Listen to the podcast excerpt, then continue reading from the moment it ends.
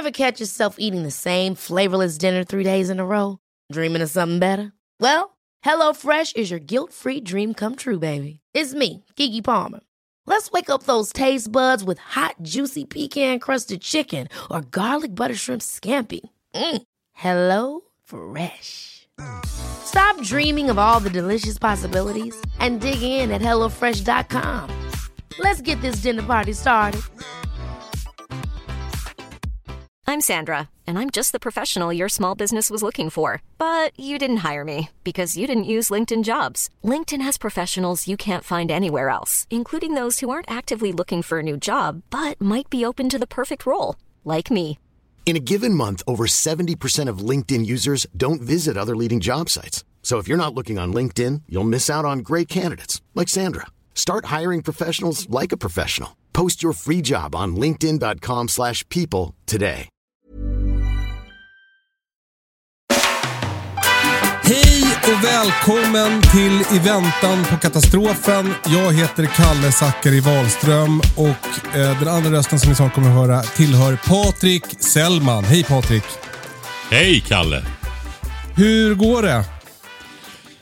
Ja, det går bra. Det rullar på. Som man brukar säga så här. Eh, Det, det här hektiska, det har startat lite tidigare i år bara med alla grejer och att man inte hinner med och så vidare. Så att, eh, ja. Det är något annat som pågår i världen också.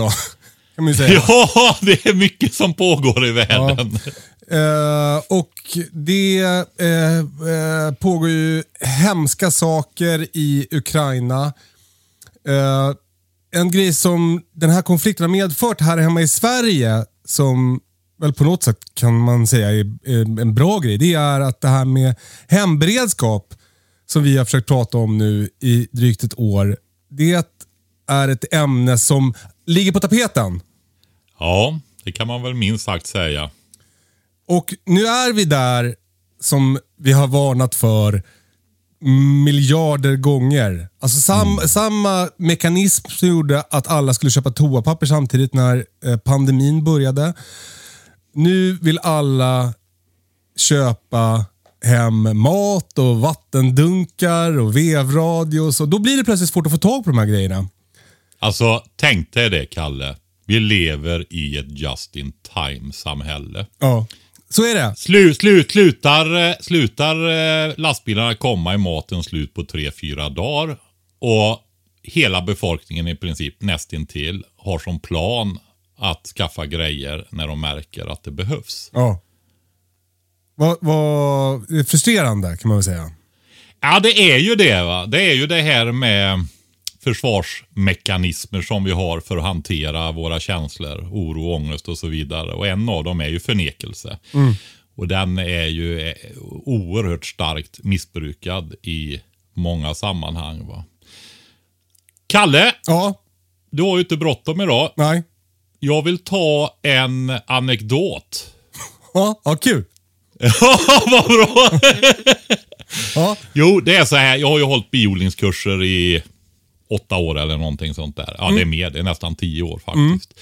Eh, och på ett ställe i Småland så var jag hos två unga en man och en kvinna. Båda var jugoslaver och den ena mannen kom med arbetarinvandringen på 60-70-talet med jugoslaverna som kom då. Den andra kvinnan där, hon eh, föddes strax innan inbördeskriget i Jugoslavien okej. i Sarajevo. Alltså jag måste bara, eh, för, för ordningens skull. Är, är, var de ett par? Det är ju väldigt stor åldersskillnad på dem. Nej, men alltså han är ju barn till arbetarinvandrare. Okej. Bra Kalle. Ja, ja, tänkte, vadå åldersskillnad? De var ju jämngamla. ja, jag förstår. Han är barn till, uh, till alltså, okej, hans föräldrar var arbetskraftsinvandrare Ja, på 60-talet. precis, Jag förstår. precis, Ja, men då är jag med. Tack. Ja. Ehm, hon, eh, jag pratade ju med henne om det då, för vi, jag kommer ju dagen innan och sådär när vi ska ha kurs hela helgen och så. Så vi kom in på det här. Och eh, just det här att hon hade det här beredskapstänket med sig nämligen. Väldigt mycket, mer än vad han hade.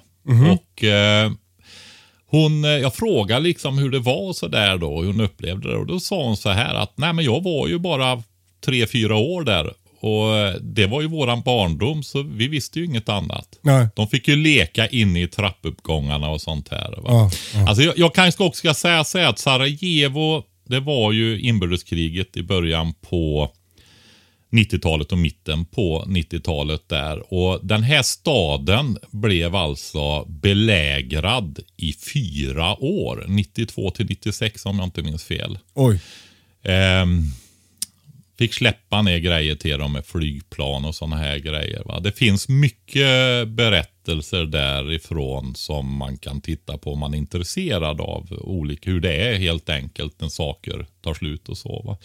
Men det som hon sa då, just det här att för henne var det normalt och ibland rymde de ut. Och föräldrarna var alldeles förtvivlade. Det var ju så här att det var ju prickskyttar och, och sånt runt om i bergen och de sköt ju på alla. va. Det var eh, fyrsiffriga antal på barn som dog där också då. Va? Så att det var, var många. Det var väldigt, väldigt brutalt. Usch. Hon sa det, nej men för henne var det inget, det var inget traumatiserande så va. För hennes nära överlevde ju allting sånt där. Men hon berättade att de äldre har ju berättat för henne. Och det alla tar upp, det är förnekelsen. Hur de dagen innan belägringen startar fortfarande sitter och övertygar sig själva om att det inte kommer att hända något farligt. Alltså, sådana här kunskaper är oerhört viktigt om sig själv. Ehm, du har det här med normalt också. Norma, att man hela, många människor verkligen orienterar sig efter vad andra gör. Eh, det är också en annan sak som är. Va? Det är ju normalt att skaffa brandförsäkring faktiskt. Innan det brinner. Just det. Men att se till att barnen har mat innan maten är slut är inte lika normalt. Nej. Nej. Så det är de två grejerna. Förnekelse och det här att man hela tiden ska titta vad gör de andra, vad är det normala och följa det normala. Utan ta tag i saker, ta makten, lösa uppgiften liksom. Du, du, ehm, det är du som är chefen. Det är du som är ansvarig för ditt hem och ditt hushåll, dina barn och så. Va? Det är jätteviktigt. Vilken jävla start Patrik! Satan. Ah, vad bra! det här gillar du! Du blir nog lite besviken på kvällspasset. Jag insåg ju ganska fort att det där är ju ett feelgood program Kalle. Patrik var med i kvällspasset i eh, P4 Riks i måndags kväll. Och min, mitt sista medskick till dig innan du gick in i sändning var kortfattat och argt Patrik. Ja, För jag tycker bäst om när du läxar upp oss. ja bra. Hur gick det? Jo, jag tror att det gick bra faktiskt. Eh, Man får ju anpassa sig där man är. Eh, och så. Det är ju faktiskt bästa sändningstid. Du vet de här mesta myspys-programledarna som vi har. Jag stod att det skulle vara Christer och, och jag sa just det. Alltså, det är ju en av de programledare jag känner till, sa jag. Ja, kul. Christer, nu kommer jag banne mig inte ihåg efternamnet. Eh, Lennart Hyland och eh, Hasse Tellemar. Typ. jo, sen känner jag ju dig och, och Britta med. Ni, Just det, fast ni är ju på SVT. Men du, gick det bra annars då i kvällspasset? ja, jag tycker det. Men det hände en sak. Ja. Och det är, jag tyckte var lite märkligt, Jag har inte kollat riktigt exakt hur jag uttryckte mig. Men ja, eh, det var en kvinna som eh, frågade vad man skulle ha med sig i skyddsrummen. Mm. Och då sa jag det att eh, lite grann så här också berätta om skyddsrummen att de ofta är i eh, källaren på flerfamiljshus. Men det kan också vara byggnader som står och de kan vara i olika konditioner och så. Så man kan inte räkna med att det är någonting i dem riktigt. Va? ja. Och sen sa jag också, för jag hade precis fått informationen att, eh, eller jag vet ju det sedan tidigare, men det hade aktualiserats då att de inventerar skyddsrummen. Och så var det inte mer med det, så berättade jag lite, mm, framförallt vatten, möjlighet att sova och sånt som man kan ha till barn, om man har barn. Det var det han tog upp. Det var ju oerhört kortfattat och snabbt. Jag hann ju inte säga en tredjedel av vad jag skulle säga. Så det gäller verkligen att tänka igenom det, Kalle, som du sa. Kort, kort. Argt. Ja. Ja, argt. Nej, men de dementerade alltså. MSB hörde av sig till P4 och eh, sa att det var en, vad heter det, hörsägen. Att man inventerar inte skyddsrummen? Nej, och jag tänkte, aha, då, nu vet de på MSB att nu är folk jätteoroliga och det sprider sig rykten om kärnvapen och allt möjligt här i landet. va? Och de märker på olika sätt att folk är väldigt oroliga. Så de är oerhört försiktiga då. va. Just det.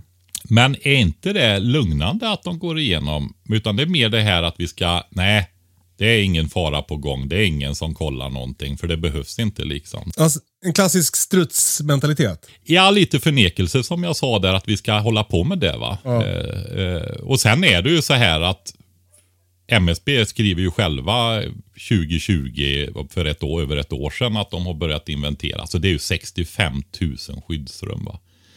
Jag tänkte det, om de tar ett varje dag, sju dagar i veckan, Ja, så börjar vi krypa upp mot 200 om dagen. Va? ja, Och det gör de ju inte, har ju många år att gå igenom det där. Va? ja. ja. Och sen när jag tittade sen, men det står ju flera artiklar på SVT. Både lokala och riksnyheterna om det där. Jag kände att det där var inte riktigt bra. Det var lite desperat av någon som sitter och, och lyssnar av radion nu då. Om det är psykologiska försvaret eller vad det är för någonting. Jag vet faktiskt inte. Men om folk ser detta och sen hör dem. ja. ja alltså, man kan väl också säga, låt oss hoppas att de inventerar skyddsrummen. Ja. Och går igenom, det är ju fastighetsägarna som har huvudansvaret för det här. Va? Men i och med, jag menar, de skiljer sig inte från resten av befolkningen. Du vet, man får vara... De får ju kolla upp det här nu, städa ur, Ja. restaurera dem i så fall om det är aktuellt. Men jag tror inte det har gått ut någon uppmaning om det riktigt än. Men jag vet inte. Jag ska inte sitta och prata mer om det där för jag har inte specialkollat det. Jag bara såg artiklar. Och eh, när det gäller sånt så tänker jag att eh, om SVT säger det så har det kommit information till dem om det. Va? Så, eh, så är det. Men jag blev dementerad alltså. Du fick informationen från SVT. Vad sa du? Du, du fick informationen från SVT. SVT Nyheter, alltså jag har det som en av mina, i och med att de är så breda och lämnar så snabbt. Va? Eh, Så har jag dem som en av mina nyhetskällor bland det. flera. Ja, ja. Ja, men bra jobbat. Tack för att du fortsätter sprida vår gospel. Ja, jo men det är det. Det är en mission.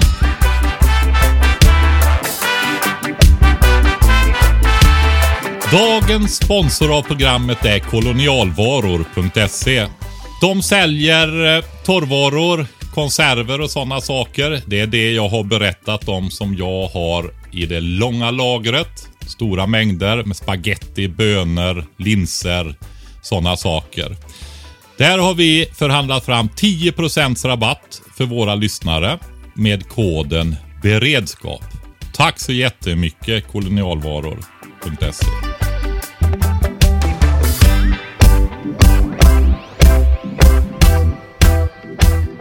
Patrik, Ja, eh, eh, med anledning av eh, det spända världsläget eh, så har den här podcasten fått väldigt mycket nya lyssnare. Och eh, eh, Som jag sa i inledningen så märker man ju att intresset för hemberedskap har gått upp väldigt mycket i Sverige. Vi har mycket nya lyssnare och jag tänker att det är på sin plats att vi tar hand om dem. Jag tänker att vi ska göra en steg för steg-guide där vi hjälper människor att ta tag i sin hemberedskap och komma igång.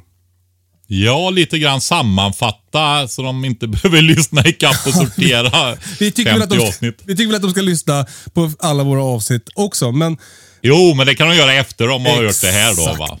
Kan de sätta igång. Jag förstår precis hur du menar Kalle. Så eh, idag tänkte jag att vi skulle ta sju steg mot en bättre beredskap. Och eftersom jag har en bakgrund i reklambranschen så tänker jag ju väldigt konceptuellt. Så jag tänker så här. Eh, vi delar upp de här stegen efter dagar. Eh, idag är det, om man laddar hem podden eh, eh när den släpps så är det onsdag. Nästa avsnitt kommer på onsdag nästa vecka. Det är sju dagar till dess. Sju dagar där du kan ta tag i din hemberedskap. Eh, varje dag ska du ta tag i ett område. Det, behöver, det kanske inte är jättestort, du kanske redan har grejer hemma. Men det är bra att tänka igenom och inventera och fundera över vad man behöver för att klara en stor eller liten kris. Så att du är förberedd, så att du inte är en sån som köar utan vid bankomaten om skiten träffar fläkten här hemma. Känns det bra Patrik? Ja, jag tycker det. Just eh, så kan vi ju avrunda sen efteråt med de här planeringsverktygen vi har lärt ut. Men inte ta dem i början så att det blir liksom Det blir rörigt. jättemycket info. Ja, precis. Nej, men vi kör på det. Eh, Men vi börjar med dag ett. Eh, Och då är rubriken Se över hur man ska samla familjen samt planera evakuering. Ta sig hem ja. Precis. Ni har ju haft erfarenhet av det i Stockholm det här att eh, helt plötsligt så fungerar inte kollektivtrafik och så vidare. Va? Och Det är ju lätt att föreställa sig att om det händer någonting allvarligt, alltså cyberattack, eh, någonting annat. Och eh, om det blir någonting någon gång, alltså det kan ju vara vad som helst då, men just nu är det ju det här som folk eh, oroar sig för. Va? Och vi tar utgångspunkt i det då så, eh, så för, kanske inte kollektivtrafik och sånt fungerar. Det kan vara elnät som blir utslagna eller någonting sånt där. Va? Och eh, hur gör man då? Det ösregnar ute. Noll grader. Eh, var bor du någonstans? Hur ska du ta dig hem? Och eh, kläder framför allt. Alltså vi har ju det här med att hålla kroppstemperaturen. Alltså man fryser ihjäl i det här landet på tre timmar ungefär. Va? Om man inte kan upprätthålla kroppstemperaturen. Så att det är jätteviktigt. Och tar man för givet det här att man kan gå de där 50 metrarna till tunnelbanestationen, in i varma tåg, förflytta sig och så vidare. Så kanske man har, man klarar av att frysa de där 50 metrarna. Va? Så man kanske har lite för lite kläder på sig. Just det. Har du skor och kunna gå i slask och, och um, ösregn och sådana där grejer. Va? Och framförallt som du klarar av att gå så långt i, som är ända hem. Va? Cyklar och sådana saker. Eh, kan man också fundera över då. Va? Alltså att man ska ha en cykel på jobbet typ. Det kan man definitivt ha. Ja, Om det är möjligt att cykla då. Va? just det. Sådana här skor med små hjul i hälen. Heelys. Jag skojar bara, förlåt. Ja men en ryggsäck med batterier och så har du elmotor där också. ja, precis. Okej, så, så eh, kläder och eh, eventuellt transportmedel för att ta sig hem. Men låt säga att man då inte bor ensam utan man har, har en familj eh, och mobilnätet ligger nere. Då är det väl bra att ha pratat ihop sig innan om vad man ska göra. Vad alla ska göra i händelse av kris. Ja, precis. Och eh, faktiskt prata med barnen också. Att, eh, att de ska följa med personal och sånt om de behöver flytta på sig och sånt där. Va? Ja, men låt oss gå in lite närmare på det, för det är någonting som, som är liksom noga för mig. Jag, eh, eh, eh, jag har ju oftast min bil när jag är ute och flänger. Eh, mina barn går på förskola ett par mil från där jag bor. Hur ska jag prata med barnen? Ja, alltså det, det här är ju saker som man måste göra i förväg. Ja. Så det blir ju en bra uppgift första dagen att tänka igenom sånt här och prata i familjen. Att, eh, och eh, var man ska samlas om det är kaos och sådana saker också i närheten utav ett dagis. Då? Just det. Vid Alltså- ett träd eller någonting sånt. Alltså du menar att vi har en, en samlingsplats vid, eh, vid, i närheten av förskolan? Om det bryter det normala. Just alltså det. såklart de är med personal och allt och ska gå och hämta men det blir kaos. En grej som, som jag hela tiden fastnar på när, när jag tänker på de här grejerna, det är så här, hur ska man veta att det här är ett sånt läge när vår nödplan behöver sättas i verket? Alltså just det här är väl ganska tydligt. Eh, att du inte, just om du inte kan eh, ta dig hem och så vidare, då har du ju bekymret där. Va? Mm. Så själv- där, där är det ju självindikerande om man säger så. Då, va? Men du tänker just det här med barnen och så. Ja, Nej men alltså, de ska ju, det- allting ska ju vara som vanligt för dem. ja, Och är det, när du kommer fram och det inte är vanligt och ska hämta dem. Ja, då har du ju reservplan där. Det, det. du kan ha. just det. Kan vara mycket möjligt att de har följt med personalen någon annanstans då. Va? Men då finns det, får du förmodligen information om det på något sätt. Då, va? Just det. Så, så är det. Eh, Eh, eh, En grej som, eh, vi, vi hade sportlov förra veckan och åkte till fjällen. Och det var ju i princip, eh, det var ju precis när, det här, när kriget i Ukraina drog igång. Eh, Rysslands krig i Ukraina ska jag säga. Eh, och eh, då sa jag till Britta så här när vi åkte, för jag höll på och tänkte så här, är det liksom vettigt att åka nu och så här. Men så bestämde jag mig för att jag tyckte det. Då så sa jag bara, om, om det blir något med kärnvapen så måste vi åka, så vänder vi. Så. Så då hade jag ändå, men jag tänkte liksom, jag kände mig som lite listig då, för då hade jag ändå liksom tänkt ut så här, vad, när drar jag gränsen för när jag vill ta hem min familj till, vårt, till tryggheten i vårt hus. ja. Sen kanske fjällen egentligen är liksom en, en tryggare plats, men där har ju vi be, mer begränsade resurser och ett mer begränsat kontaktnät och så vidare. och Så vidare. Så, så jag bestämde mig då för att, att om eh, Ryssland sätter in kärnvapen i Ukraina så då bara åker vi hem. Ja, Precis. Jag kan ju säga så här att självklart tänkte man, jag var ju också ute ensam och åkte runt vägarna här. Min hustru var hemma och tog hand om, om djur och, och så hundar och sånt. Då. Och eh, jag tänkte ju givetvis tanken på det också. Och jag kände lite, jag har ju alltid grejer i bilen, sån här hemgångsväska och sådana saker då. Men jag kände ju ändå att man kanske skulle ha förstärkt det där när man åkte. Men det hade jag inte gjort. vi, vi hade ju väldigt stark eh, eh, beredskap i bilen eftersom vi hade packat för en vecka i fjällen. Så vi hade Ja. otroligt bra kläder och pulkor att dra barnen på och mat och väldigt mycket öl hade vi också med oss. Eh, Men du, det här får oss in på nästa grej som, som eh, eh man ska tänka på dag ett. Då. Det är ju att, eh, eh, eh, låt säga att man har tagit sig hem. Då. Vi, ni har en plan för att ta er hem. Eller ni är redan hemma. Och eh, eh, när, Hur ska man planera för en ev- eventuell evakuering från sitt hem? Mm.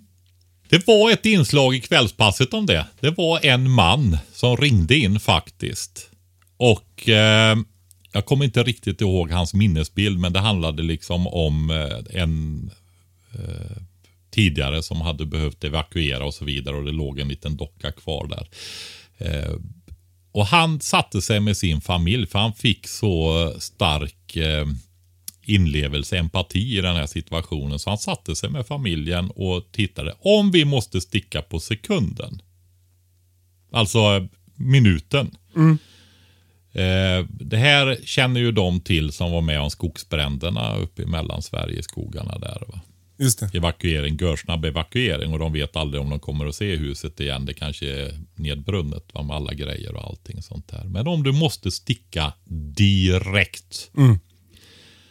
Vad vill du ha med dig då? Fundera på det. Vi ger ju planeringsverktyg och sånt i efter den här genomgången då. För att ha minneslistor och sådana där grejer. Det finns ju också att ladda hem på prepbox.se. Ska säga. Ja, vi har lagt ut de här listorna där. Ja. Bra. Och har du barn så tänk igenom extra noga. Alltså små barn, då är hela hygienbiten, alltihopa det här. va.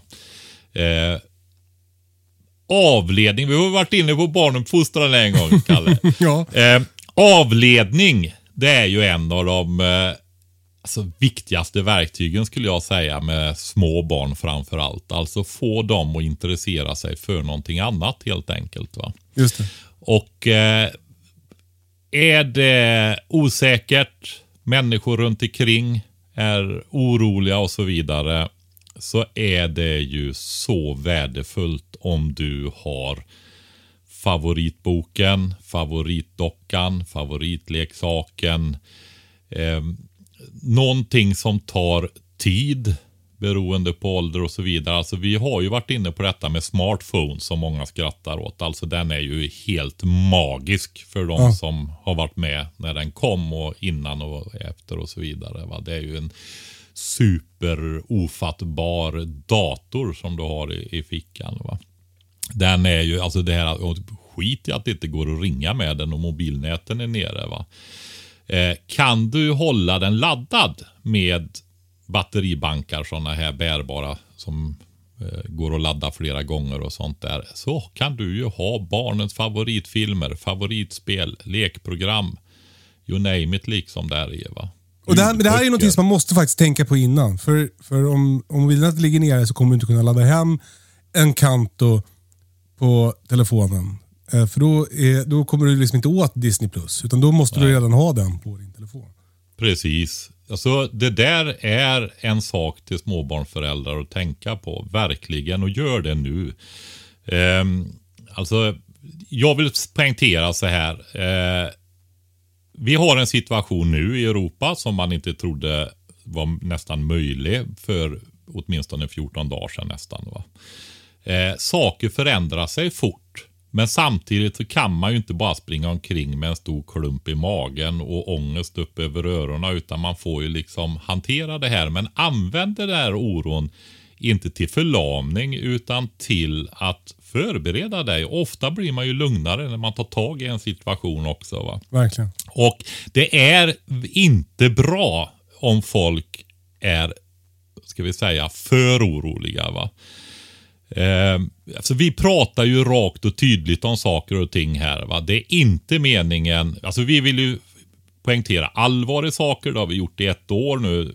Förbered dig för att du har förberett dig när saker verkligen händer och så vidare. Men vi kan inte sitta, alltså det blir fel om jag ska sitta och försöka bara, jag vill prata om saker rakt och tydligt till vuxna människor va. Ja. Infantila Det är ungar vill inte göra sig icke besvär.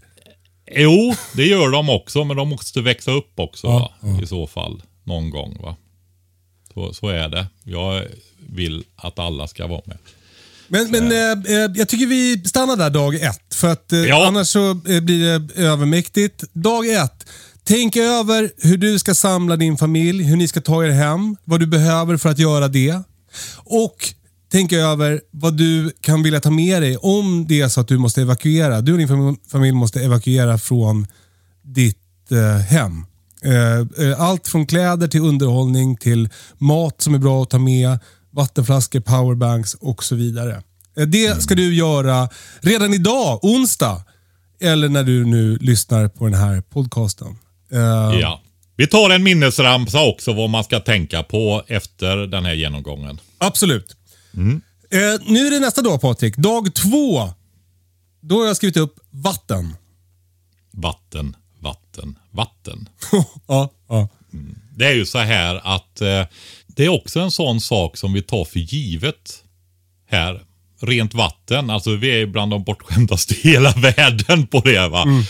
Och eh, då blir ju fallhöjden desto högre helt plötsligt när det inte finns vatten. Och det är ju så här att har man varit utan vatten en längre tid. Speciellt om man anstränger sig också när det, man svettas och mer sådär och blir utan vatten fort. Det är alltså, får det där dra iväg lite så blir det oerhört psykiskt jobbigt och påfrestande. Ja, det går inte att tänka på något annat. Alltså- Nej, det gör ju inte det. va. Och din prestationsförmåga går ju ner dramatiskt. Så, så vatten är ju det här kanske mest essentiella. Visst, man behöver kunna andas och lite sådana här grejer också. Va? Och eh, Du fryser ihjäl på tre timmar som vi brukar säga. Men vatten i hushåll och sånt där kommer det inte. Det kan ta lång tid att få ordning på grejer. Speciellt om det är stora fel och fel på många ställen och sånt där. Va? Efter tre dygn så säger man att då får du eh, irreparabla skador på njurarna. va? Och eh, du håller på att bli tokig dessutom. va.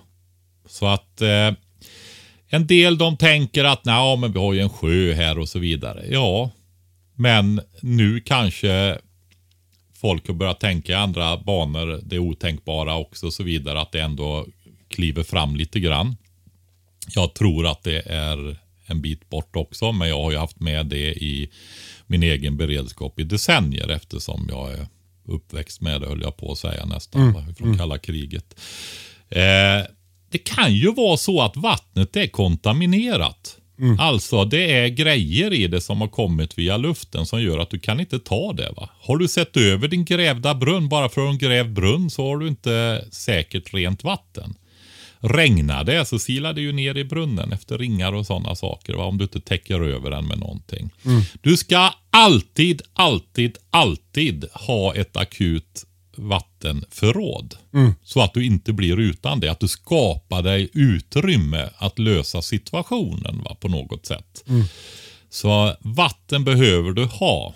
Och eh, har du inget vatten, och beroende på plats och så vidare. Drömmen är ju att man kan ha 14 dagar eller så nära 14 dagar som möjligt med vatten till familjen. Och då säger du fem liter vatten per person och dag, eller hur? Helst. Minimum, minimum tre. Men då har man ju tänt gränserna för vad behöver man ha vattnet till då? Man behöver ha vatten till att dricka, eventuellt laga mat och till hygien. Ja. Och hur tvättar man sig om man ska dricka och laga mat med tre liter vatten då? Då får man ha wipes. Wipes eller att man tar fuktade handdukar och torkar sig, skrubbar sig lite grann och så. Torkar av sig med kanske ljummet vatten. Men, men om man ska sammanfatta vatten, vi har ju pratat om det här tusen gånger i podden förut, så, så nu gör jag ett, faktiskt ett försök, får vi se om jag har lärt mig. Du ska ha ett vattenförråd. Du ska ha eh, 3-5 liter per person i ditt hushåll eh, och dag. Du ska helst ha för två veckor. Eh, så får du själv räkna ut hur mycket vatten du behöver lagra. Du ska lagra det eh, mörkt och svalt om möjligt. Framförallt mörkt. Eh, du ska ha möjlighet att koka vatten. Eh, big bubbles, no troubles.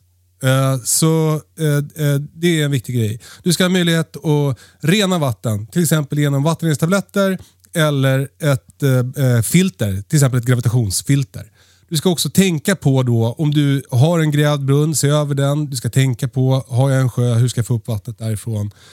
Eh, en jävligt bra grej som, som, eh, som jag har lärt mig den hårda vägen, det är att det är bra att ha, om du har vattendunkar lagrade, ha en sån där liten kran som du skruvar på på locket på dunken. För Då blir det mycket lättare för alla i familjen att hantera och ta vatten ur dunken. Klart! Eller hur?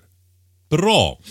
Eh, gör man den här enklaste basic-grejen så är det så här. Lagra vatten. Se till att du har möjlighet att koka vatten. Vad det är vattenreningen nummer ett. Har varit genom mänsklighetens historia.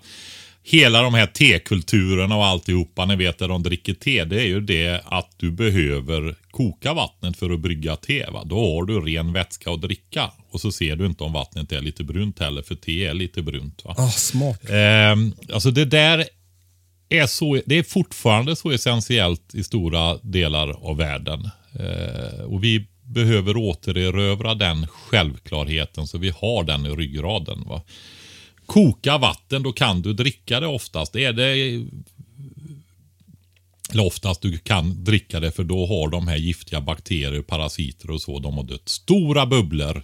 Det här är basic, basic, basic. Koka vatten, då kan du dricka det. Är det grumsigt, sila det genom något. En t-shirt eller vad som helst, en bomullshalsduk eller någonting. Va? Och koka. Snyggt! O- om du är desperat. Det var dag två, vatten. Mm. Eh, och Du behöver alltså inte tänka på något annat än dagen. Det är bara vattnet du ska tänka på. Men du ska se till, du ska agera, du ska fixa de här dunkarna, du ska fylla dem, du ska ställa bort dem. Du ska tänka igenom. Så att du kan bocka av vatten på din lista. Dag tre. Det, ja, vänta Kalle, det är en sak. Du tog ju det här med att koka där. Jag tror vi får prata färdigt om det också. Vad är det för någonting? Snabbt. Eh, du behöver ju ha en extra möjlighet. Eh, spis, eh, kök. Och De klassiska det är ju de här gasolköken, Trangiaköken. Och de har den stora fördelen att de går att starta och elda inomhus. Va? Det blir tillräckligt rena avgaser ifrån den förbränningen helt enkelt. Va? Gasol eller rödsprit. Eh, jag har aldrig provat, men eh, många andra har gjort det. Det går att använda koncentrerad spolarvätska till exempel också. Alltså de med hög alkoholhalt i är det då. Och det finns ju olika typer av alkoholhalt. Och bränner du alkohol, då får du koldioxid och vatten som eh, Avgaser. avgaser, ja precis, som går ut i, i lägenheten. Det enda där är ju att man får inte vara i för små utrymmen då. Men det är inte någon större risk med, med köken där då. Va? Sen vill jag ta upp en tredje, för jag har fått frågor om det. Det är ju så att i flerfamiljshus så är det ju regler, de finns hos MSB för hur mycket brandfarliga vätskor man får ha. Det är inte jättemycket man kan ha i flerfamiljshus i förråd och sånt där. Va? Men då finns det möjlighet till biobränslekök. Det som man i folkmun kan kalla för kottkök. Alltså de här små, um, finns olika typer. Eh, en del är ju bara enkla plåtar som du sätter ihop en fyrkant så har du en eldstad du kan ställa ett kokkärl på. Va? Ja, ja, ja. Det är ju en variant. Den andra är ju mer raffinerade sådana här med eh, primärluft och sekundärluft. Du får väldigt ren förbränning och så vidare i de där. Va? Det, är min, det är ju mitt favoritkök. Det går ju ofta att ställa en, en eh, spritbrännare i dem där också om man vill det. Va? Eh, de behöver ju mer balkongkök. Just det. Ja. Eh, Och i den kan man då elda allt som är brännbart. Precis, och vill du ha ett lager så finns det ju pellets på granngården. Mm. Och där, det är ju som vilken möbel som helst i källarförrådet. Va? Alltså vanlig trä. Mm. Träflis som är ihoppressat. Och eh, det är en eh, bra energikälla också. Om man vill ha lite mer än det här som är möjligt att ha.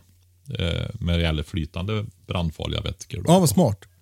Och den är ju också perfekt att ha i en evakueringsväska.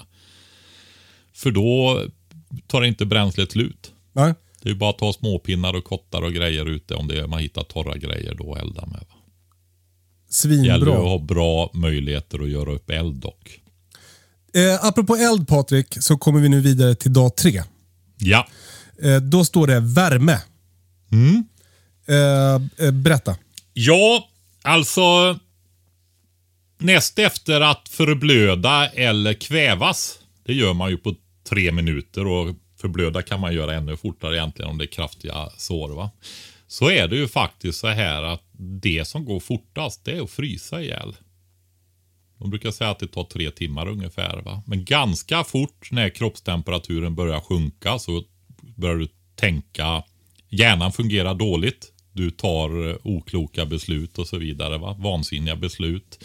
Kroppsfunktioner går ner och bara på några grader, jag kommer inte ihåg exakt kroppstemperatur, men det är inte många grader det behöver sjunka, så går, är det väldigt svårt att reversera. Alltså det blir en ond cirkel. Det stryper funktioner och så fortsätter det bara. va. Därför att när det stryper funktioner så bildas det ju mindre kroppsvärme också. va. Ja, ja, ja. Och då måste man häva det. Eh, Men det är ett annat avsnitt.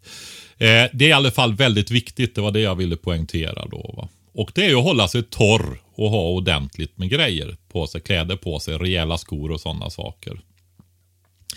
Eh, om man behöver ta sig hem till exempel. Just Det är det. jätteviktigt. Nu är det ju så att bostäderna som vi har.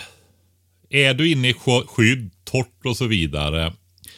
Så ska det Alltså det var väldigt länge väldigt så här om man ska frysa ihjäl in i en bostad alltså. Det, men man har ju den mentala biten också. Sitta där med småbarn och det är riktigt kallt i lägenheten och drar tiden iväg så blir du ju utkyld till slut. Va? Så är det ju. Ja, men det blir svårt att sova. Det blir svårt att fungera. Allt. Precis va. Och eh, viktigt att poängtera här också. Det är återigen det här med barn och mindre barn. Ju mindre barn, ju känsligare för sådana här grejer är de.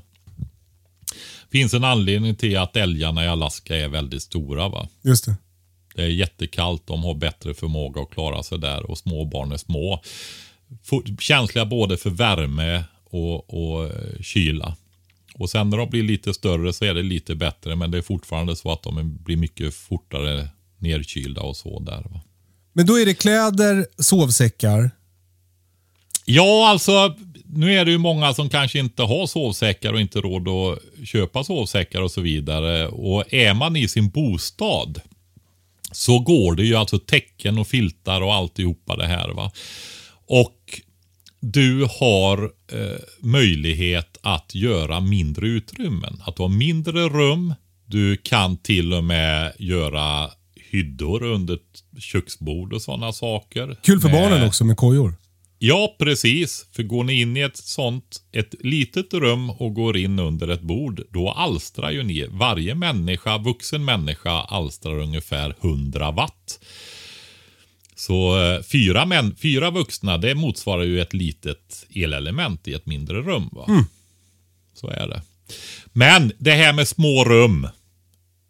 Måste, jag har nämligen, det, blir det illa med det här så kommer det att vara jättevanligt att folk somnar in i och dör alltså i kolmonoxidförgiftning. Tätar man, stänger till, tänder värmeljus. Värmeljus förbrukar ju syret i luften och så vidare. Vad människorna gör det. Har man täppt till då för att det ska bli varmt överallt så förbrukas syret inne i och byts ut mot koldioxid. Och vid en viss nivå så finns det inte tillräckligt med syre och då blir det till och med kolmonoxid. Va? Och den är giftig. Eh, man blir trött, man lägger sig och sover och vaknar aldrig mer. Va? När värmeljusen står där och bränner upp det sista innan de slocknar. Men det här pratade vi om i ett, ganska, i ett avsnitt ganska nyligen. Och då, du, ditt tips är ju att, eh, att på klocka vädra. Ja, precis. Storvädra. Blås ut, byt luft, öppna hela fönstret, hela dörren. Veva med dörren. Snabbt. Just det. För då hinner du inte kyla. Står det och småvädrar. Klart man kan, ska ha, liksom, jag tänker i lägenheter, du vet sån här ventilation som är under fönster och man kan med skjutreglage eller ventilationsfönster och sådär kan stå lite, lite, lite, lite grann på glänt såklart. Va? Men den viktigaste vädringen det är att verkligen byta ut alltihopa väldigt fort för då hinner det inte stå och kyla ner tyngre grejer, väggar och sådana här saker. Utan du bara byter ut luften och så värms den upp fort igen. Va? Så ehm, det är jätteviktigt och det finns för den som har möjligheter också. Alltså, köper man gasolkaminer, fotogenkaminer och sådana saker, va? dieselkaminer och allt vad det finns. Du måste också, det finns ofta säkerhetssystem på dem att de stänger av sig om eh, det blir för mycket koldioxid i luften då. Va? För det är ju första vägen att det ökar. Men om den går sönder då, mm tre, tre redundansregeln där har flera. Att man faktiskt har en varnare också. Va? En sån elektronisk varnare. Just det. Den placeras lågt. De här gaserna är tyngre så att de lägger sig eh, efter golvet. då. Okej, vad bra tips. Men, men eh, dag tre, eh, tänk över hur ni ska hålla värmen om eh, elen försvinner och ni är fast hemma. Bor i hus, kanske det kan vara en idé att fundera över om det skulle kunna kan vara bra att elda. Installera en kamin eller en eldstad. Eh, eh, annars värmeljus, eh, gasol, fotogen, kaminer, eh, eh, varma kläder, sovsäckar, täcken. Eh, tänk igenom, men komplettera också eventuell utrustning. Bra, hade du något mer? Ja, jag har det för dem med lite pengar. Men vi kanske ska ta det efteråt så vi inte bryter in i din lista här. Ja, bra. Dag fyra. Mat, mat, mat. Ja. Det är ju så här att man klarar sig ju utan mat ganska länge. Ni vet fasta, folk fastar i 10 dagar, 14 dagar och så vidare. Va? Så att det är ju inte livshotande. Dä- Däremot så är det ju ofta om man ska fasta sådana perioder så eh, har man ju tränat på att göra det bland annat. Va? Ofta man börjar kanske inte med den typen av faster. Eh, men Hey, I'm Ryan Reynolds. At Mint Mobile, we like to do the opposite of what Big Wireless does. They charge you a lot, we charge you a little. So naturally, when they announced they'd be raising their prices due to inflation, we decided to deflate our prices due to not hating you. That's right. We're cutting the price of Mint Unlimited from $30 a month to just $15 a month. Give it a try at mintmobile.com slash switch. $45 upfront for three months plus taxes and fees. Promo rate for new customers for limited time. Unlimited more than 40 gigabytes per month. Slows. Full terms at mintmobile.com. There's never been a faster or easier way to start your weight loss journey than with PlushCare.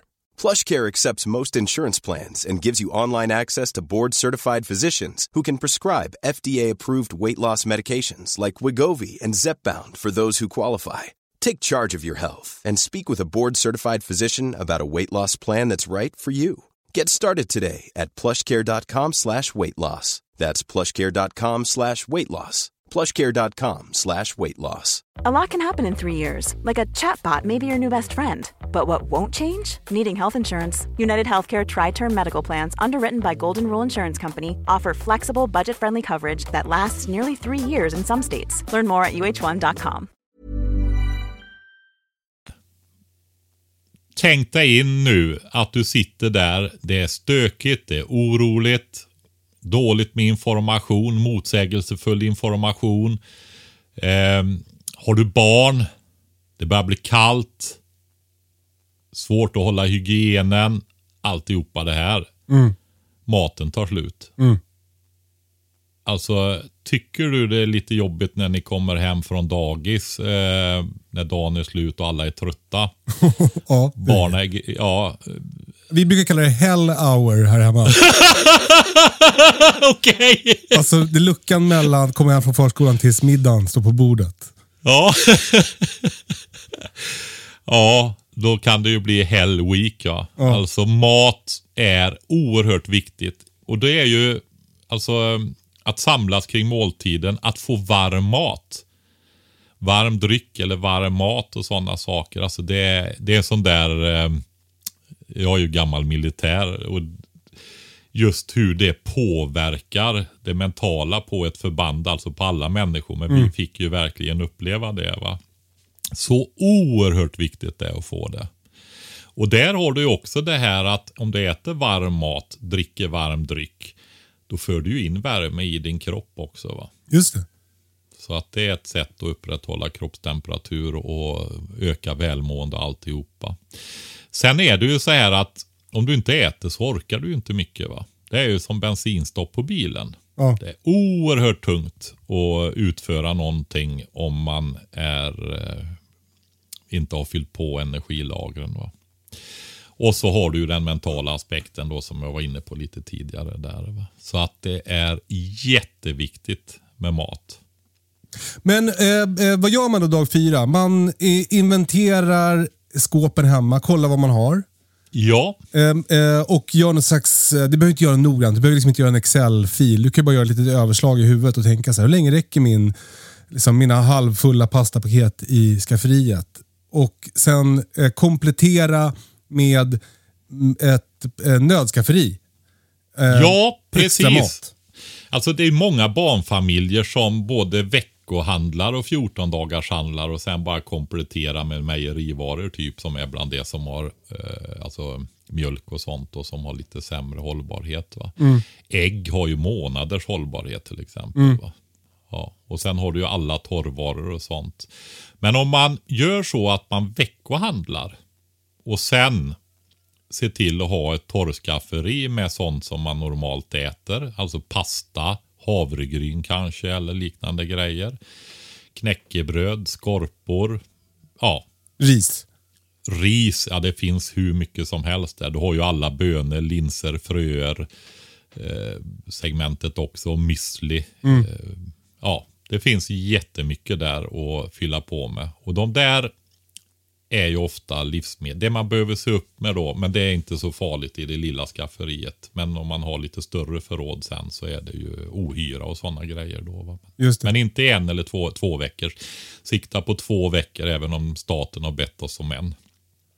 Och, och eh, Vi måste passa på att tipsa om vår produkt Prepbox som man hittar på prepbox.se som är en låda med eh, eh, portionsförpackad mat.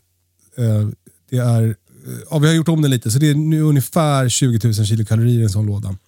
Ja, vi har ju prioriterat eh, mer eh, mat. Vi har ju kombinerat snacks och mat för att kunna leverera 25 000 kilokalorier då, vilket är 12 dygn för en person då. Men nu i och med att snacksen är lätta att få tag i så har vi lyft in fler rätter istället. Men snacksen, jordnötter, solrosfrön, energibars och så vidare är ju väldigt energirika. Finns på vilken affär, vilken mack som helst att köpa. De maträtterna är svåra att få tag i.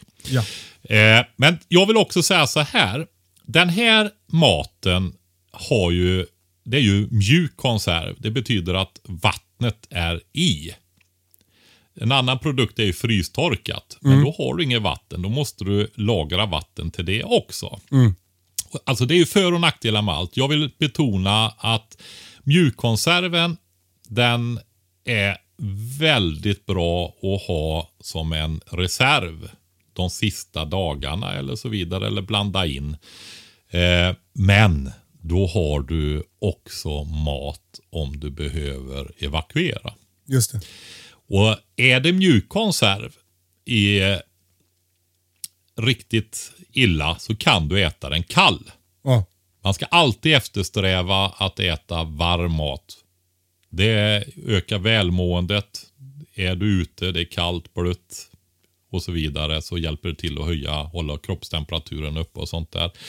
Men eh, den är superbra. Du behöver inte bära med extra vatten och sådana saker till den. Så att du sparar ingen vikt på frystorkat till det. Om du inte kan fixa vatten efter vägen och sådana saker då. Men i en evakueringssituation så är det väldigt bekvämt att ha med sig just mjukkonserven då. va. Så den har både reservlager i hemmet men också det ideala skulle jag säga när man, om man behöver lämna bostaden då. va.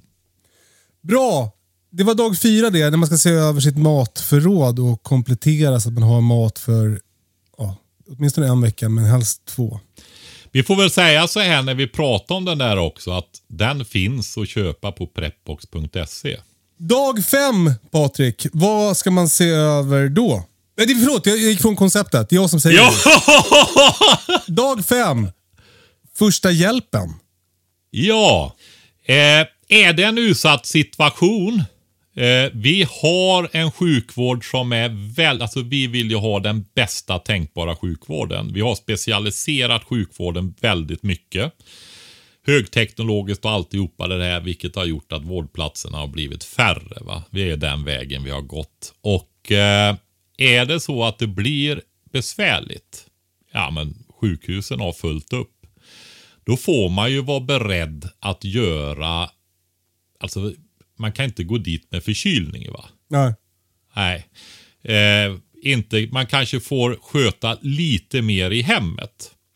Men sen har vi, sa du första hjälpen och det är ju faktiskt att eh, risken för att det händer någonting kanske ökar i en besvärlig, den ökar också i en Ja, besvärlig ja. situation. Va? Så att man har de här grundläggande kunskaperna om att stoppa blödning. Alltså är det ett allvarligare sår så rinner blodet ut. Du måste kunna stoppa det. Va? Eh, och ha väldigt bra. Det går att lösa med provisoriska grejer också. Men har du riktiga, det kräver ju mer kunskap då. Men har du riktiga första förband och sådana saker och träna på det. Köp något extra så att ni kan prova med det i familjen. Kan du hjärt-lungräddning? Jättebra. Kan du det inte? Försök lära dig. Det finns YouTube, alltså det är ju visst. Det är mycket bättre om du har en utbildad lärare, speciellt om du inte har jättemycket kunskaper och så vidare eftersträvansvärt. Men ibland så får man laga efter läge och lösa uppgiften också. Va? Ehm, att man försöker. Eh, det finns jättefina YouTube-filmer till båda de här grejerna. Ja. Sen vill jag poängtera ytterligare två grejer som man behöver lära sig. Och det är hur tänker man kring sårchock? Aha. Alltså, um, det, det behöver man också sätta sig in. Det är egentligen ABC, andning, blödning, chock. De tre grejerna och eh, framstupa sidoläge. Hur man placerar någon som inte är fullt vigör då. Va? Där det är risk för att tungan rinner ner, ja, täpper till bakåt eller att man kräks och sådana grejer. Va? Så att det är öppna andningsvägar. De grejerna, andning, blödning, chock och framstupa sidoläge där. De, de eh, tycker jag man ska sätta sig in i samtidigt som man ser över det här med eh, om man har första hjälpen i bilen, i hemmet och sådana saker. Då? Eh, man kan förstärka upp det där också med sårvård och eh, receptfria mediciner av olika slag. Då. Och framförallt om man är i behov av egna, att man ser till att ha så mycket som möjligt hemma då. Va? Just det. Som är möjligt. För det där är också en grej som, som, eh, som jag alltid har i bilen till exempel. Att jag har febernedsättande. För att man, jag vet hur dåligt man funkar om man får hög feber. Och jag vet att jag, om, om det blir en krissituation för mig och min familj så behöver jag funka. Och då behöver jag kunna sänka eventuell feber. Ja. Eh, Så, så eh, se över, det, här finns också tusen guider på olika ställen. Vi, vi kommer väl, så, när vi får lite tid över någon gång, ta fram första hjälpen, eh, eh, alltså lathundar för det också. Men, men det finns ju säkert tusen på internet. Så, så, eh, eh, så här, eh, dag fem, skaffa första hjälpen-prylar. Där ingår även mediciner. Eh, och lär dig eh, ABC. Andning, Ja. blödning, chock och ja, då framstupa sidoläge. Det låter som en Mm. dag. Ja, det gör det. Kanske två mediciner till då, eller tre. Antihistaminer, det är ju alltså det här pollenallergigrejerna och sånt där. Men det kan också hjälpa mot allergiska reaktioner och sånt. Om man inte har något annat så har man i alla fall det. va. Ehm, koltabletter. Kommer du ihåg det när man skulle ta med sig när man åkte utomlands och så vidare? Ja, det är ju, k- finns på vilket apotek som helst att köpa. Och det fungerar även vid viss eh, förgiftning och sådana saker också. Alltså det är mot rännskita kan vi väl säga. Ja, men också om du får i dig någonting olämpligt. Därför det är aktivt kol som gör att det absorberar grejer i magen. Va? Ja. Så det är den ena. Och sen har du ju på samma tema med magen här. Om du får eh, diarréer så är det ju inte jättebra i en utsatt situation. Och risken ökar ju kanske om det drar ut över tid och så. Ehm, så det finns också receptfria sådana för kortvarigt bruk. Då. Sen när det gäller medicinska råd och så vidare så får man ju söka det. Varken du eller jag är ju någon som ska ge egentligen råd om när och hur man ska eh, använda mediciner egentligen. Va? Så att eh, titta upp det. Men det är ett tips på några grejer som kan vara bra att ha i en utsatt situation. Okej, så dag fem, då kollar du upp första hjälpen och lär dig de här grejerna. Då är det dags för dag sex, Patrik. Eh, Ja. Och då är det eh, eh, information, radio och så vidare. Ja, det är... Jag tänker så här. Många, alltså man har ju blivit präntad med det här med vevradio. Ja, jo, eh, det, det är ju liksom nästan en sån här eh, symbol. Eh, vad, vad kallar artefakt? Ja, för Då är hemberedskap. man liksom beredskap och prepper. Va? Annars är man ingen. Vevradio ska man ha. Alltså grejen är ju så här. Grunden i vårat system då här. Det är ju lokalradion och det är ju P4. Det är lite olika frekvenser. Lustigt eh, att du som var med i P4 igår nu gör reklam för P4. Ja, det är lite bias det där kanske. Ja. Men jag nämnde faktiskt det där också. gjorde Jag. Mm. Eh, nej men det är viktigt att veta det. Det är P4 där det kommer information lokalt. Och även nationellt givetvis. Va? De kör inte bara lokalt. Det är ju nationell, riksradio där också. Men där de nation, eller lokala, regionala nyheterna, informationen kommer där. Så att ha möjlighet att lyssna på det, det är basic. Men jag menar, har du en bil då har du ju ofta en, en radio i den. Va? Just det. Som kan lyssna på de vanliga radionäten där. Då har du en radio. Har du bil har du väl en något sån här ekonomi oftast. Så att du kanske vill slippa gå ner i, ut på, på parkeringsplatsen eller in i garaget eller vad det nu är för någonting. Så du kanske vill ha en i bostaden också. Eh, men har du en gammal stereo och lyssnar på vinylplattor och så, så är det ju ofta radio i dem också. Har du en gammal kassettbandspelare som aldrig blir kastad, du vet en sån här, eh, vad kallades en bergsprängare eller någonting. Ja.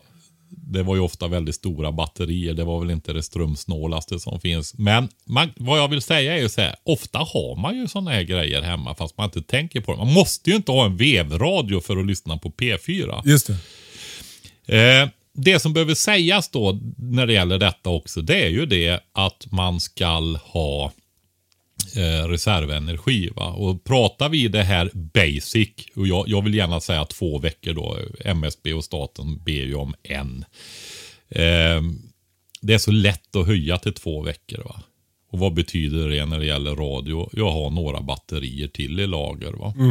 Så kan du hålla igång den. Tittar man i ännu längre perspektiv, då, det är inte det vi ska ta nu, då kan du titta på laddbara batterier och små solcellsladdare och sådana saker. Då. Men i det här 1-2, ha några omgångar batterier hemma helt enkelt. Till Apropå, när vi ändå pratar om batterier så tycker jag att vi slänger in eh, i dag sex även eh, pannlampa eh, och ficklampa och så vidare. Ja, alltså. eh, Står man i mörkret och har tappat någonting. Ja, du vet. Ja, Och så, ja men, du hittar det ju inte va? nej. Hade du haft den där lilla, lilla nyckelringsficklampan där så hade du ju liksom bara kunnat lysa och plocka upp det. Så är det. Eh, tänk om du behöver gå ut, göra någonting. I alla våra första hjälp, alltså ja, vi har ju bilar och på olika ställen första hjälpen. Där finns små pannlampor i de väskorna. Måste man ju se över i och för sig då. Va? Nu vart det lite överkurs där, men för att visa betydelsen. Jag skickade min eh, svärdotter, blivande svärdotter, åkte ner till Afrika, till Uganda. Och hälsade på en barnmorska där ute i en hydda som hon hade varit volontär hos för några år sedan. Gjorde det nyligen. Då passade jag på att skicka med solcellsladdare, pannlampa och laddbara batterier och sånt där. Vet du, i Uganda föder de barnen ofta på natten också, de rackarna. Så då eh, skulle hon ha en riktig pannlampa där. Va? Behöver du göra någonting, så alltså det är ju... Det är som natt och dag. Om du har lampa eller inte. Eh, eh, ska vi också nämna kommunikationsradios eh, under dag sex? Ja, ty- det kan vi faktiskt göra. Det var bra du sa det. Vi, inte ta, vi kan ta kommunikation istället. Alltså förmågan att kommunicera med varandra. Det behöver inte vara en radio. Kommunikation börjar faktiskt med eh, visselpipa. Det är den lägsta när du lämnar rösten och som gör att du kan höras högre. Och det där är en sån där sak. Eh, ja, men när jag drar iväg nu, vi börjar vara ute med den nya scoutpatrullen här. Eh, då kommer de att få varsin liten visselpipa. Och så lär man dem, eh, alltså kommer de iväg och så vidare så kan de blåsa i den. Kan Tänk att du finns hjälp. Patrik. Man kan eh, sammankalla alla eh, genom att eh, komma överens. Alltså en signal, två signaler, tre signaler. Tre, tre signaler, det är generellt. Tre av någonting, det är eh, nödanrop det va. Mm, just det. Så att eh, blåser man tre gånger i en visselpipa så behöver man hjälp då.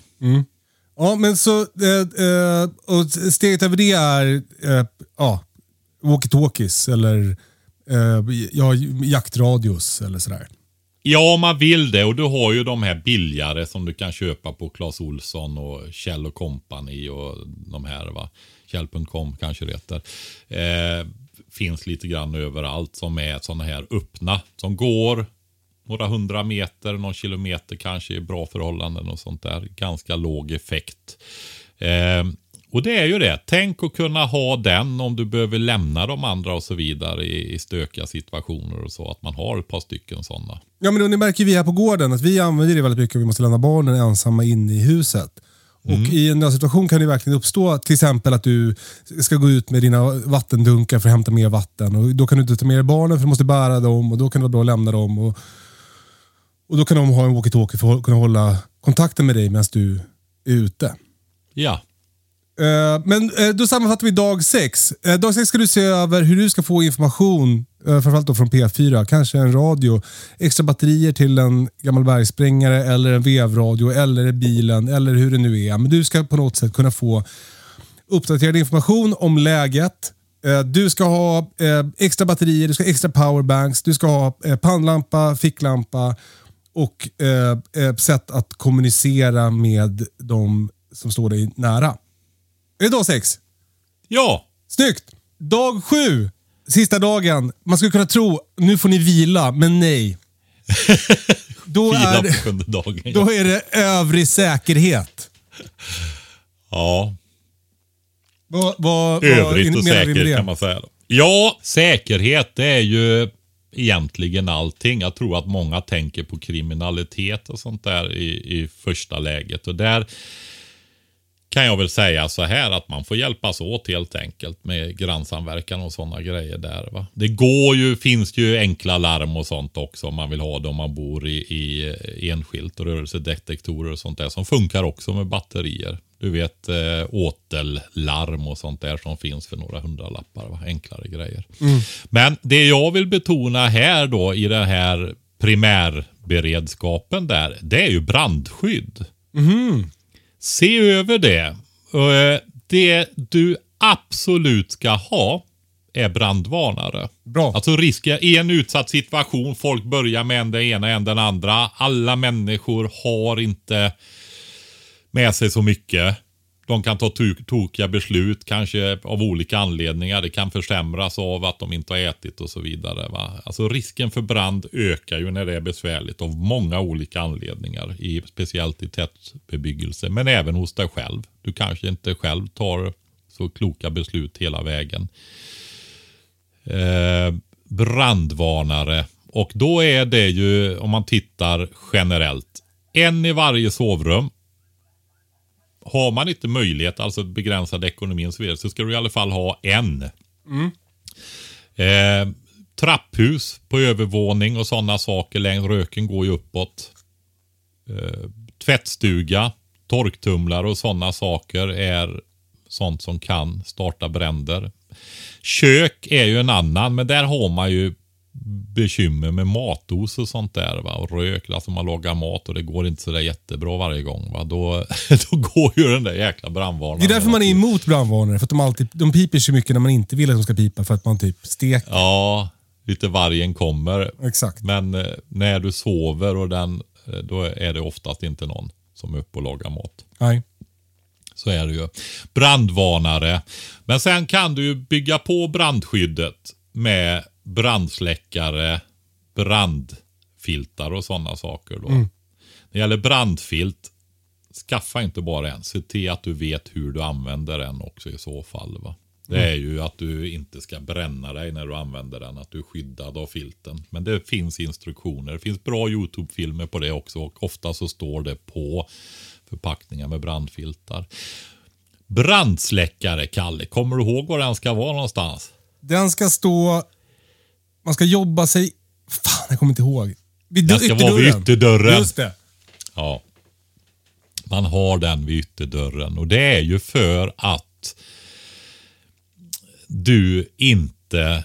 Eh, alltså har du tagit dig till ytterdörren och har den och går in och bekämpar. Då har du ju rört dig mot elden och då är det ju ofta så att du har fri väg ut. Just det. Ja. Eh, går du iväg in och Alltså det finns ju hur många olika men det är en sån säkerhetsgrej. Va? Att är det så att du börjar bekämpa elden, har fokus på den och så vidare. Då ska du ha rört dig från ytterdörren så att du har fri väg ut där. Va? Det är en bra grej att tänka på. Och Sen är det det också om folk har brandsläckaren vid ytterdörren. Så vet man ju var den finns om det är någon annan som kommer. Smart. Om man nu gör det till en standard. Det Sen tycker jag kan vi man gör. ha yt- Ja, precis. Jag har ju en, jag har ju två ytterdörrar, så jag har ju en vid varje ytterdörr. Givetvis. Och sen har jag ju en övervåning också, så jag har en i hallen på övervåningen i trapphuset där. Och sen har du väl en i bältet också? Nej, det har jag inte, men jag har två i snickeriet och sen har jag några stycken i ett eh, annat förråd som reserv ifall det blir mycket. Så nu vet Och ni var ni ska gå om ni behöver en brandvarnare. Brandsläckare, ja. ja, brandsläckare, förlåt. Eh, Bra Patrik. Jag tycker att vi eh, nöjer oss med dag sju där. Ja, Eh, jag kommer nu att repetera de här dagarna. Det Ja. som faller på dig, kära lyssnare, det är alltså att anteckna det här och att varje dag den närmsta veckan ta ytterligare ett steg mot en höjd hemberedskap. För man vet fan aldrig vad som kan hända. Dag ett. Du ska tänka igenom hur du tar dig hem. Hur du kan samlas med din familj. Ni ska ha pratat igenom det innan så att det inte råder några oklarheter. Så att ni bara gör och inte behöver hålla på och ringa varandra om mobilnätet ligger nere. Ni ska också planera för en evakuering från ert hem. Vad vill ni ha med er? Var ska ni ta vägen? Vad behöver ni göra helt enkelt? Glöm inte underhållning till barnen. Det var dag ett. Dag två. Ja. Vatten, vatten, vatten. Du behöver lagra vatten. Du behöver tänka igenom vilka sätt du har att skaffa vatten. Du behöver rena vatten. Framförallt genom kokning. Men överkursen är också vattenreningstabletter och olika filter. Det ska du göra dag två. Dag tre ska du tänka över hur ni ska hålla värmen. Och Det är väl framförallt kläder, skor. Är ni hemma så är det sovsäckar, täcken. Kan ni ta er in i ett mindre utrymme, akta så ni inte kvävs. Eh, eh, ska du installera en kamin om du bor i hus? Ska du skaffa en gasolkamin om du bor i lägenhet? Ni behöver kunna hålla värmen. Det ska du göra dag tre. Dag fyra. Mat, mat, mat. Inventera vad ni har för mat hemma. Se till att ni har så att ni klarar er i en, helst två veckor. Se till att det är mat som folk äter. Eh, se till att det är mat som ni kan lagra länge. Så att ni kan ställa in den i ett skåp och ha den där som en trygghet. Och här är ju vi såklart eh, eh, partiska i målet, men vi tycker att Prepbox är ett bra alternativ. Dag fem, då ska du se över första hjälpen. Eh, du behöver ha prylar till första hjälpen. Du behöver ha kunskap till första hjälpen. Och när det gäller kunskap så är det framförallt A, B, C du ska lära dig. Och eh, Det här finns miljarder instruktionsfilmer kring på YouTube. Det finns kurser man kan gå. Det här ska du se över dag fem. Och ABC då, det är ju andning, blödning, chock. Dag sex. Vi kallar den för eldagen för att det ska bli lätt att komma ihåg. Du behöver något sätt att kunna lyssna på radio för att få information. Du behöver kunna lysa med lampor. Du behöver ha extra energi för att kunna ladda dina telefoner och lampor och vad det nu än är. Så powerbanks, batterier och så vidare. Eh, du behöver eventuellt också något sätt att kunna kommunicera i gruppen. Kanske behöver ni eh, investera i walkie-talkies eller liknande. Eh, framförallt så kan det vara bra att ha en visselpipa. Det är eh, ett bra sätt att ropa på hjälp om rösten inte längre håller. Dag sju. Övrig säkerhet. Vi fokuserar mest på brandlarm, för det är någonting som är lätt att åtgärda. Du ska ha brandvarnare, du ska ha en brandsläckare vid ytterdörren, du ska ha en brand brandfilt och du ska veta hur du använder dem. Klart! Bra! Då har du lite att stå i i veckan. Eh, Ja, men eh, och det här är också, jag tycker att det här är bra även för mig. Alltså jag, jag, jag, och jag tror också, för det här är bra för alla människor att tänka igenom de här olika områdena och, och dela upp det lite så här så att man får... Det är lätt att... Alltså jag, det är en grej som, som alltså, i alla fall min personlighet, den, den passar väldigt bra när man delar upp. Det passar väldigt bra för mig att dela upp saker. Det är samma sak när jag tränar, det är samma sak när jag, vad det än är jag gör, om jag ska vandra långt. Så här. Jag delar upp det i små bitar för att då blir det lättare att ta sig igenom. Alltså hur äter man en hög med bajs? Jo, sked för sked. ja men grej, Kalle, så här, det är ju så. Ska du träna och lära dig någonting överhuvudtaget, dela upp det i bitar. Exakt. Och det är Och därför... bit för bit. Precis. Det kan vara en rörelse till och med. Att du tränar in den bitvis till och med. Va, med kroppen eller vad som helst. Mm. Alltså i alla delar, bit för bit helt enkelt. Helheten blir överväldigande. Va? Mm. Så är det. Så dela upp det. Gör en sak i taget. Eh, fokusera på en sak per dag i veckan. Så, så kommer du att om en vecka ha en grundläggande beredskap för dig och din familj. Om det skulle vara så, gud förbjude, att det som händer i Ukraina också skulle hända här. Eller om något annat oförutsett Ja. inträffar. Det händer ju grejer. Skogsbränder och stormar och Gudrun. och Ja, men nu är folk oroliga för krig, Patrik. Ja, Precis. Jo, jag menar det, men det är ju inte bara det, utan saker kan ju hända. Verkligen, Och då är verkligen. det så att antingen är man förberedd eller också är det inte. När huset brinner ner så har man brandförsäkring eller också har man det inte. Det. Men du, ska vi ta de här för den, ska vi ta den där lilla sammanfattningen med våra minnesramsor och det där också för den som vill sätta sig och planera lite mer och tänka igenom. Jag tänker evakueringsväska. Vilka områden är det som man behöver behöver titta över som är viktiga för en? Alltså vi har ju tagit fram den här, eh, eh tillsammans med våra lyssnare ska jag säga, eh, har vi tagit fram eh, eh, minnesregeln hemskt vis. Eh, och det är ju då en akronym, säger man så? Ja, jag tror det. Kul. Eh, eh, eh, där eh, varje bokstav står för ett område som är bra att tänka på när det gäller eh, hemberedskap. Hemskt vis. H för hälsa. E för energi. M för mat. S för skydd. K för kommunikation. T för transport. V för vatten. I för information. Och S för säkerhet. Mm. Så skriv upp hemskt vis. Skriv upp hälsa, energi, mat, skydd, kommunikation, transport, vatten, information, säkerhet. Tänk igenom. Så att du har koll på vad du behöver ha för saker och för kunskap för att kunna ta hand om din familj. If times get tough or even if they don't, för att citera en mer och mer galen amerikansk podcastare i beredskapssvängen.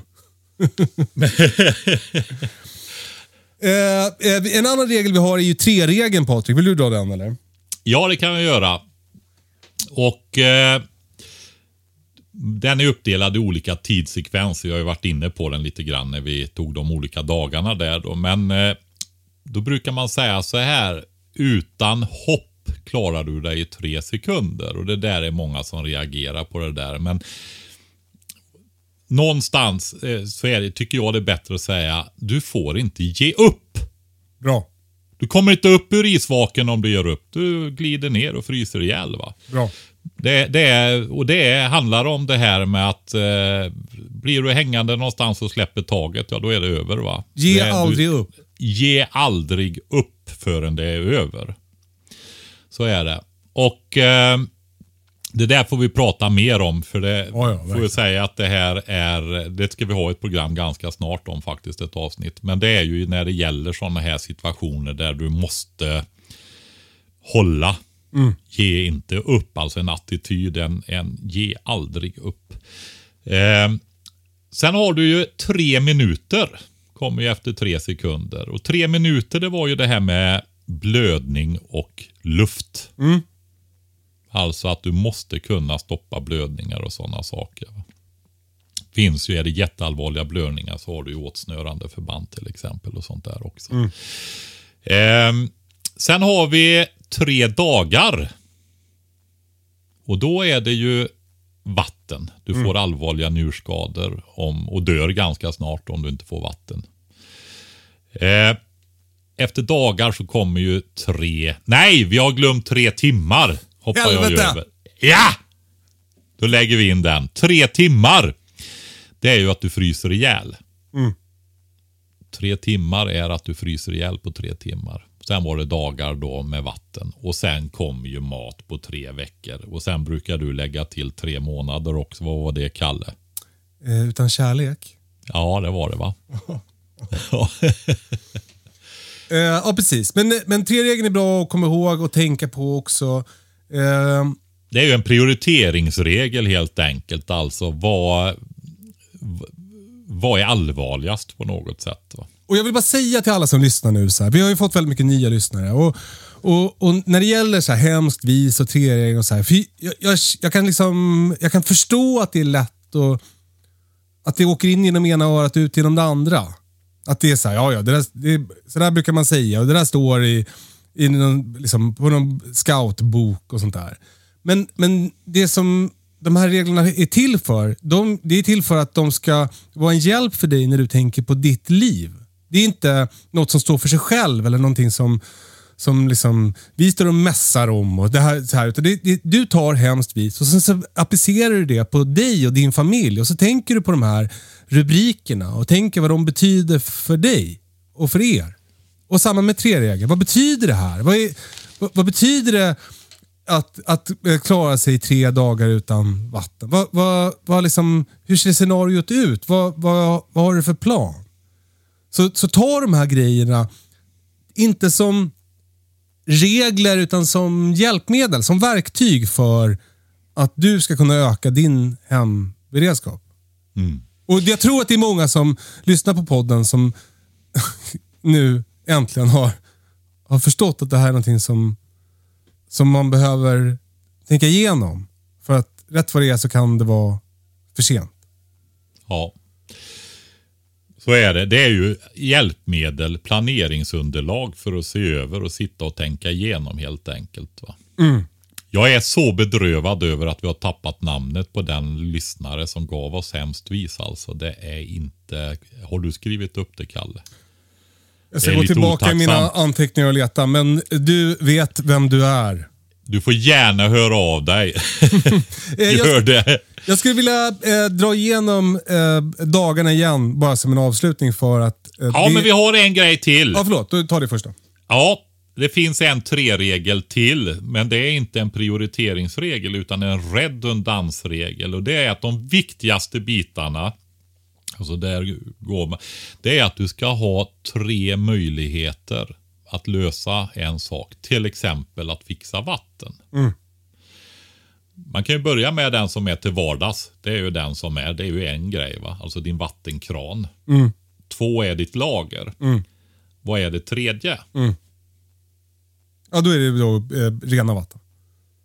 Ja, eller ja, du ska hämta det. Få tag i vatten till att börja med. Just Sen kan du, om du vill utveckla det här då, då har du tre sätt att rena vatten på också. Det kan ju vara kokade, filtrerade och vattenreningstabletter till exempel. Tre sätt Alltså att dricka vatten. En, en, en liten sipp, en stor klunk och till slut att bäla i sig. Ja. Precis. Nej, men alltså att du, eh, det som är absolut grundläggande, att du har möjlighet att tillgodose det på tre, minst tre olika sätt. Då. Redundansregeln, det är den också. Då. Bra. Snyggt Patrik. Ja, Du, eh, eh, innan vi slutar så skulle jag vilja gå igenom de här dagarna. För jag tycker att det är viktigt att så många som möjligt som lyssnar på podden faktiskt tar det här till sig och, och tar de här sju stegen. Dag ett. Se över hur du ska samla din familj, hur ni ska ta er hem till tryggheten hemma. Eh, tänk också igenom hur ni ska göra för att evakuera er bostad. Vad behöver ni ha med er? Var ska ni ta vägen? Dag två. Se över vattenförsörjningen. Dag tre. Se över hur ni ska hålla kroppstemperaturen uppe. Dag fyra. Se över maten. Dag fem. Första hjälpen. Dag sex. Elgrejer. Information, belysning, batterier. Dag sju. Nu kommer jag säga, nu säger jag det bara. Vi skiter i övrig säkerhet. Det blir rörigt. Dag sju. Brandskydd. Då så.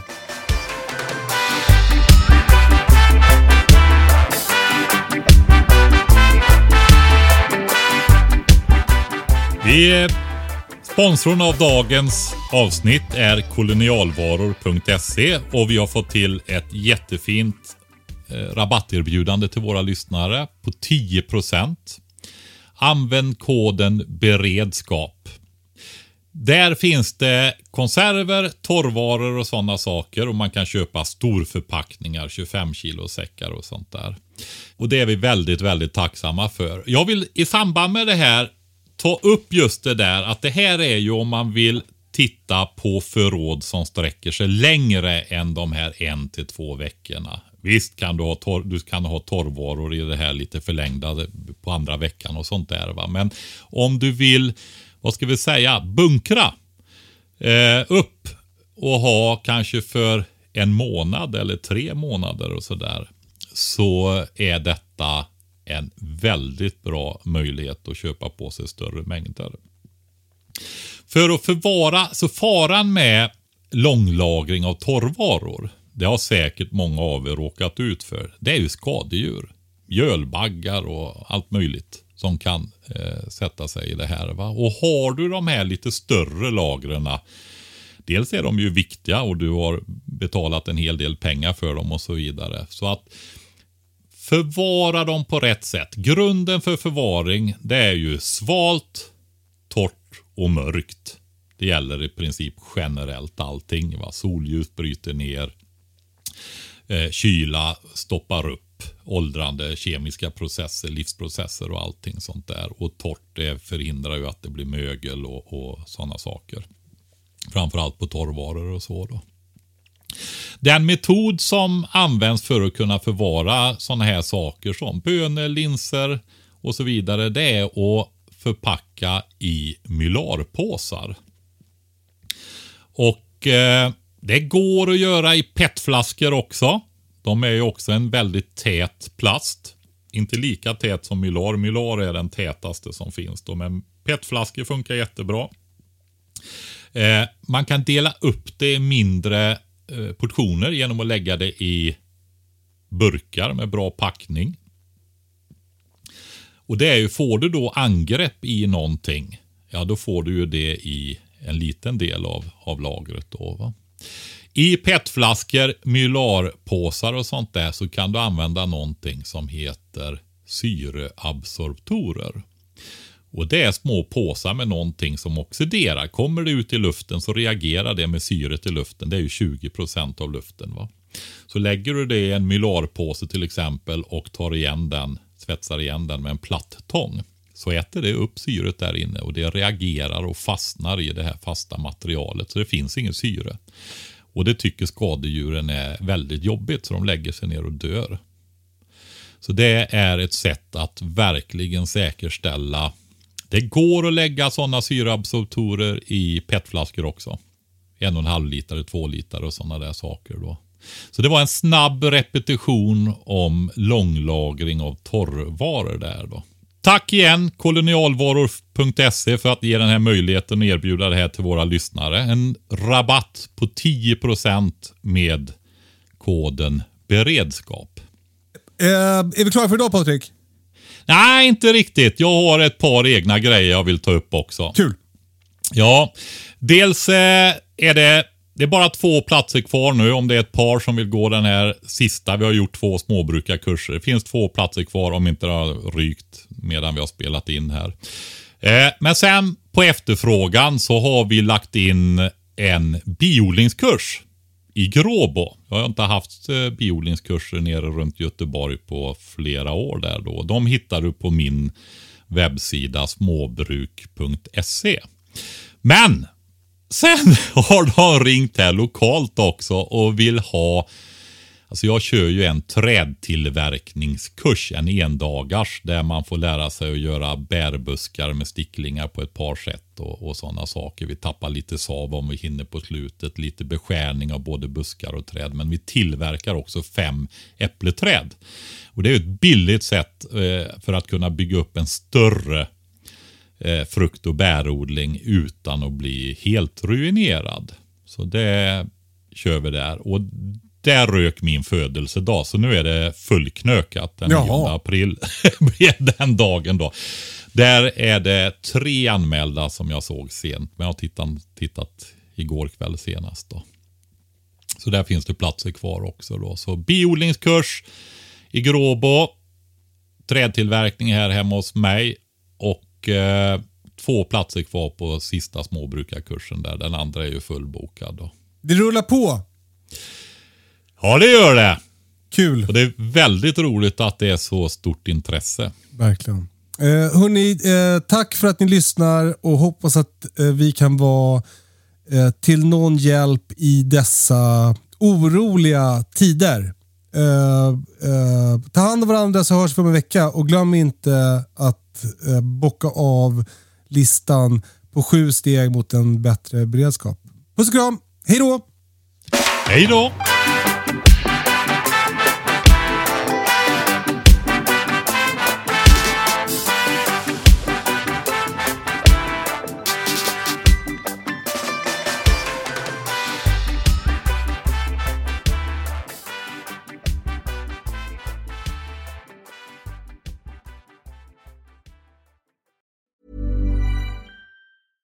Ever catch yourself eating the same flavorless dinner three days in a row? Dreaming of something better? Well, HelloFresh is your guilt-free dream come true, baby. It's me, Kiki Palmer. Let's wake up those taste buds with hot, juicy pecan-crusted chicken or garlic butter shrimp scampi. Mm. Hello Fresh. Stop dreaming of all the delicious possibilities and dig in at HelloFresh.com. Let's get this dinner party started.